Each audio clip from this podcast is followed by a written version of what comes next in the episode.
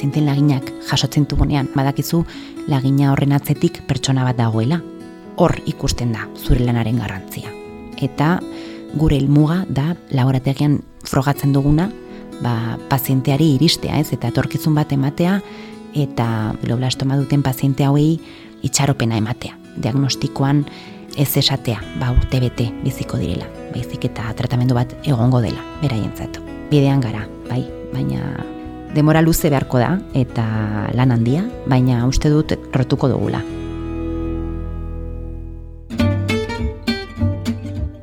Gaur, zientzia puntu-puntuan geoblastoma, buruko minbizia hilgarrienaren inguruko ikerketa. Zientzia puntu-puntuan, Nafarroako Unibertsitate Publikoaren divulgazio zientifikoko podcasta. Emaio zuiaten adimenari. Zientzia puntu-puntuan, hogeita irugarren atala duzu hau entzule. Ongi etorri. Kimioa, radioa, hormona tratamenduak, antigorputz monoklonalak, immunoterapia. Azken amarkadetan minbiziaren aurkako hartzenalak gora egin dueten gabe. Horri esker, gaixotasunaren tratamenduak benetako iraultza bizi izan du. Eta tumore askok eriotza epaia izateari utzi diote. Hala ere, badira eraso guztiei aurre egiten dieten tumore galiarrak. Tratamenduen aurrean blindaje berezia dutenak. Glioblastoma da horietako bat. Gaur egun ez dago terapia eraginkorrik garuneko tumore horren kontra. Oso agresiboa baita eta ez die aukerarik ematen kaltetuei. Belartxarrak bezala, badirudi inoiz ez dela hiltzen. Horrixegatik aurrerapen zientifiko txiki bakoitzak garrantzia handia du. Hortan saiatzen da gaurko gure gonbidatua, Paula Aldaz Dona Maria. Ni Paula Aldaz Dona Maria naiz, atarrabeakoa naiz, eta biologia eta biokimika ikasi nuen, Nafarrako Unibertsitatean. Gero Inglaterran master bat egin nuen, bioteknologia eta enpresan, eta itzultzerakoan posturtez garatu nuen nire tesia biodonostia deituriko ikerkuntza zentroan. Iruñara bueltatu nintzen, eta sei urte dramazkit Navarra Biomeden, ikerkuntzan, eta baita ere Nafarroko Unibertsitate Publikoko irakaslea txikitua naiz, zientzien departamentuan. Magisteritzan ematen dut klasea eta erakusten diet zientzia nola irakatsi. Glioblastoma dituriko garuneko tumorea ikertzen dut, urte asko daramazkit minbizi zehatz honetan. Gure taldea sei pertsonek osatzen dute, guztiak gara biologoak edo biokimikoak edo arlo horretan eta gero baita ere onkologoekin, neurozirujanoekin eta anatomia patologikoan lan egiten duten pertsonekin egiten dugu lan. Glioblastoma garuneko tumorerik agresibuena da helduetan. Zer egin kutsa beltza honen aurrean? Nola lortu garuneko tumorerik beldurgarriena tratatzeko ate berriak zabaltzea? Nola lutzatu gaixoen bizitza? Nola harindu egungo tratamenduen ondorioak? Oso minbizi mota berezia da, gainerakoen aldean desberdina, bere ezaugarri guztietan. Glioblastoma da egaruneko tumorerik oikoena, bai, arruntena eta agresiboena. Bere inzidentzia ez da hain altua, bai, amar kasu eun mila biztanleko ematen da, estatu mailan. Ez da asko, baina hain agresiboa denez, oso garrantzitsua da horretan ikertzea. Eta zer dakizue? Glioblastomaz? Ze ikasi duzue? Bai, bueno, glioblastoma, bueno, esan dugu bezala oso agresiboa da, horrek esan nahi du, e, zoritxarrez, ba, pazienten biziraupena dela amabost hilabetekoa. Orduan ez dute itxaropenik, ez dago tratamendu eraginkorrik, prozedura arrunta izaten da ebakuntza egitea, oso garrantzitsua da alik eta gehien kentzea, baina batzutan oso komplikatua da e, tumorea dagolako garuneko zonalde kognitiboetan, ez? Orduan ba, edo izkera edo mugimendua kalte dezakegu. Orduan, ebakuntza hori eta gero, egiten da radioterapia eta kimioterapiarekin tratatu. Baina ala ere, azkeneko hogei urteetan, ez da tratamendu hori hobetu eta esan dudan bezala, ba, pasa gara ama hilabetetik ama bost hilabetera. Oso tratamendu gogorra.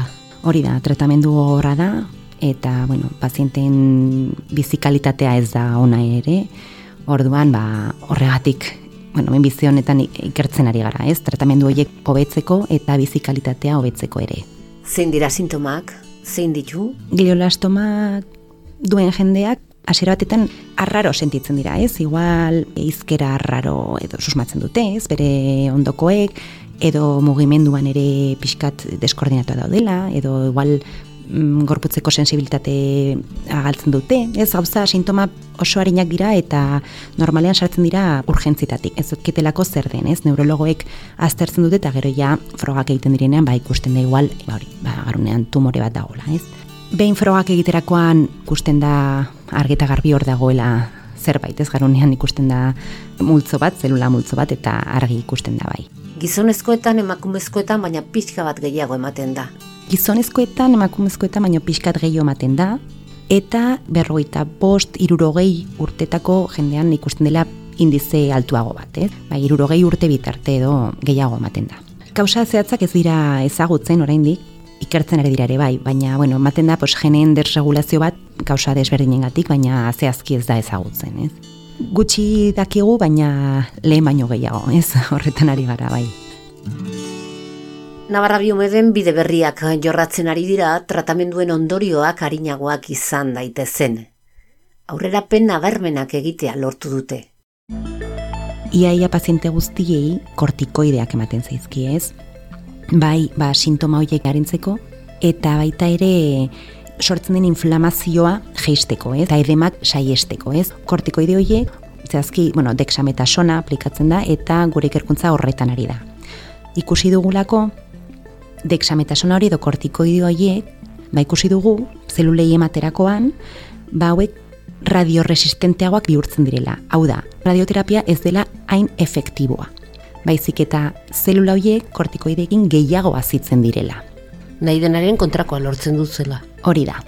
Hori ikertu behar da. Ikertu behar dago, esan doan bezala, iaia paziente guztiei ematen zaie kortikoidea. Ez? E, gauza da, kortikoide horiek beharrezkoak direla pazientei asko zobe sentiaraztea egiten dielako. Orduan guk saiatzen ari garena da, kortikoidiek beste farmako batzukin kombinatuta, ba ondorioiek ekiditea. Hau da, ikusi dugu kortikoideak eta beste farmako batzuk kombinatuta lortu dugu zelula horiek radioterapiari hobe erantzutea. Hau da, gutxiago azitzea. Osea, kortikoidekin ikusi dugu gehiago azitzen zirela radioterapiari erantzuten, eta guk lortu dugu kombinazio horrek egiten duena da zelula gutxiago azitzea. Zuen aurkikuntza martxan da, aplikatu egiten da? Ez, momentuz ez. Guk egin duguna da, bueno, e, lan hau argitaratuta dago, aldizkari zientifiko batean, eta esan dudan bezala frogatu dugu in vitroko ereduetan, bai, e, pazienteen laginetan, zeluletan eta baita xaguetan. Baina ondorengo pausuak izango lirateke pazienteetan frogatzea, ez?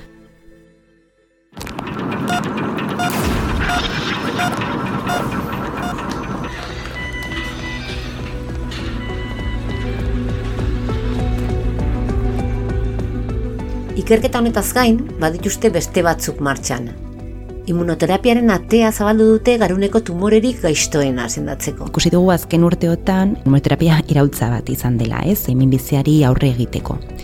Baina, zoritxarrez, ez da tumore guztietan eain eraginkorra, ez? Adibidez, melanoman bai ondorio oso onak izan ditu, baina, zoritxarrez, gliolastoman immunoterapiak oraindik ez du eraginkortasunik. Orduan, bueno, saiatzen ari gara, farmako desberdinak frogatzen, ea ba, immunoterapia aplika dezakegun globlastomako tratamenduan. Zer da immunoterapia? Immunoterapia azaltzeko, esan beharra dago minbiziko zelulek ahalmena dutela immunitate sistematik ies egiteko. Hau da, gure immunitate sistemak ditu zelula batzuk zeinek identifikatzen dituen hil behar dituen gauzak, ez? Ordan suposatzen da, gure immunitate sistemako zelulek hil beharko lituzke dela mimiziko zelula. Baina, zelula horiek daukate almena izkutatzeko. Orduan guk egin eduguna da potentziatu almen hori edo bihurtzea zelula tumoral horiek diana bat gure immunitate sistemarako. Egiten ari garena da, farmako batzuk frogatu, gure immunitate sistema indartzeko, almena izateko, zelula tumoral horiek identifikatzeko eta hiltzeko. Ze fasetan dago ikerketa hori? aurrerapenik lortu duzu? Gaur egun, E momentuz melanoman ari gara ere bai eta melanomako tratamenduan oso aurreratuak gaude eta saiatzen ari gara orain melanoman ikusi ditugun emaitzak glioblastoman ikusten. Orduan, bueno, azken aste hauetan adibidez, nik ja egin ditut ba, froga batzuk animalietan. Ez, ikusi dugulako ba, zeluletan ongi atera direla, eta orduan bigarren pauso izango litzateke ja animalietan frogatzea. Melanoman ja dena ikusi dugu, agertuko dugu ja lan hori, eta e, melanoman ikusi ditugun emaitz oso onoie, nahi ditugu aplikatu glioblastoman, ez? Ze suposatzen du horrek? Gaixo horiek ez dutela kimiorik hartu beharko, radiorik hartu beharko? Azken ikerkuntzek erakusten dute immunoterapia oso emaitza honak dituztela, ez? Baina ez ditu oraindik uzten beste tratamenduak alde batera, ez? Oraingo tratamenduak kombinatuko dute immunoterapia eta kimioterapia, ez? Baina esan beharra dago etorkizunean ziurrenik immunoterapia izango dela aplikatuko den tratamendua eta ere esan beharra dago ba hori gaur egun ere kimioterapiako tratamenduak direla geroz eta espezifikoagoak, ez? Ez dira aplikatzen farmako berdinak tumore berdina duten paziente guztiei, ez? Egiten dena da paziente baten lagina ondo aztertu, zen mutazioak dituen ikusi eta e, horren ondorioz erabakiko da ze tratamendua emango zaio. Nola nahi duzu? Puntu puntuan, jakina. Eskerrik asko. Zientzia puntu puntuan. Nupen podcasta.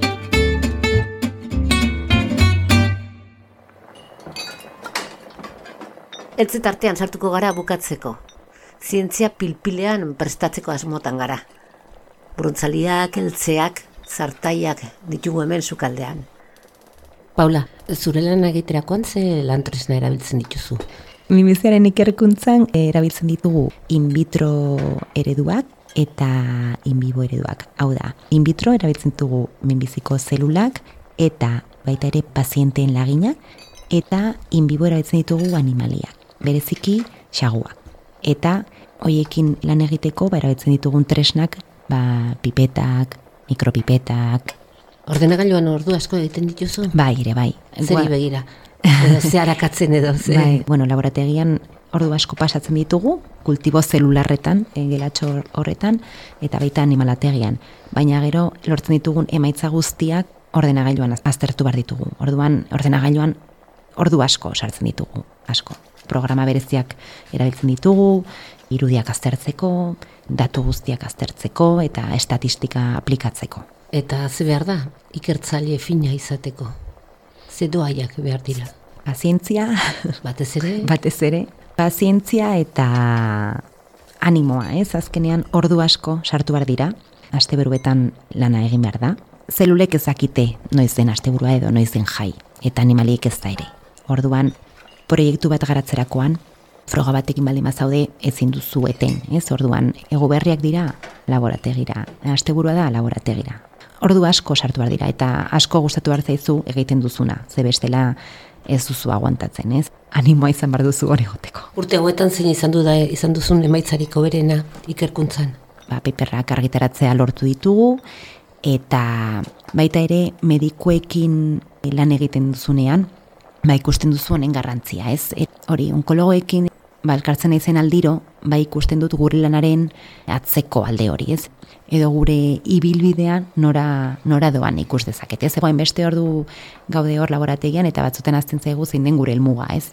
Gure helmuga da, ba, laborategian frogatzen duguna, pazienteari iristea, ez? Eta etorkizun bat ematea, eta badibidez hori globlastoma duten paziente hauei itxaropena ematea. Diagnostikoan ez esatea, ba urte bete biziko direla, baizik eta tratamendu bat egongo dela, beraientzat. Hori da gure helburua. Niri niri lana gustatzen zait helburu hori duelako, ez azkenean jendeari laguntzea, pazienten biziraupena luzatzea eta bizikalitatea hobetzea.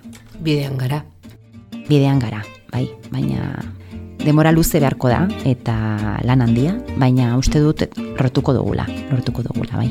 Esker milanitz, Paula Aldaz Dona Maria, gurean izateagatik zientzia puntu puntuan. Mi esker izaskon, bai.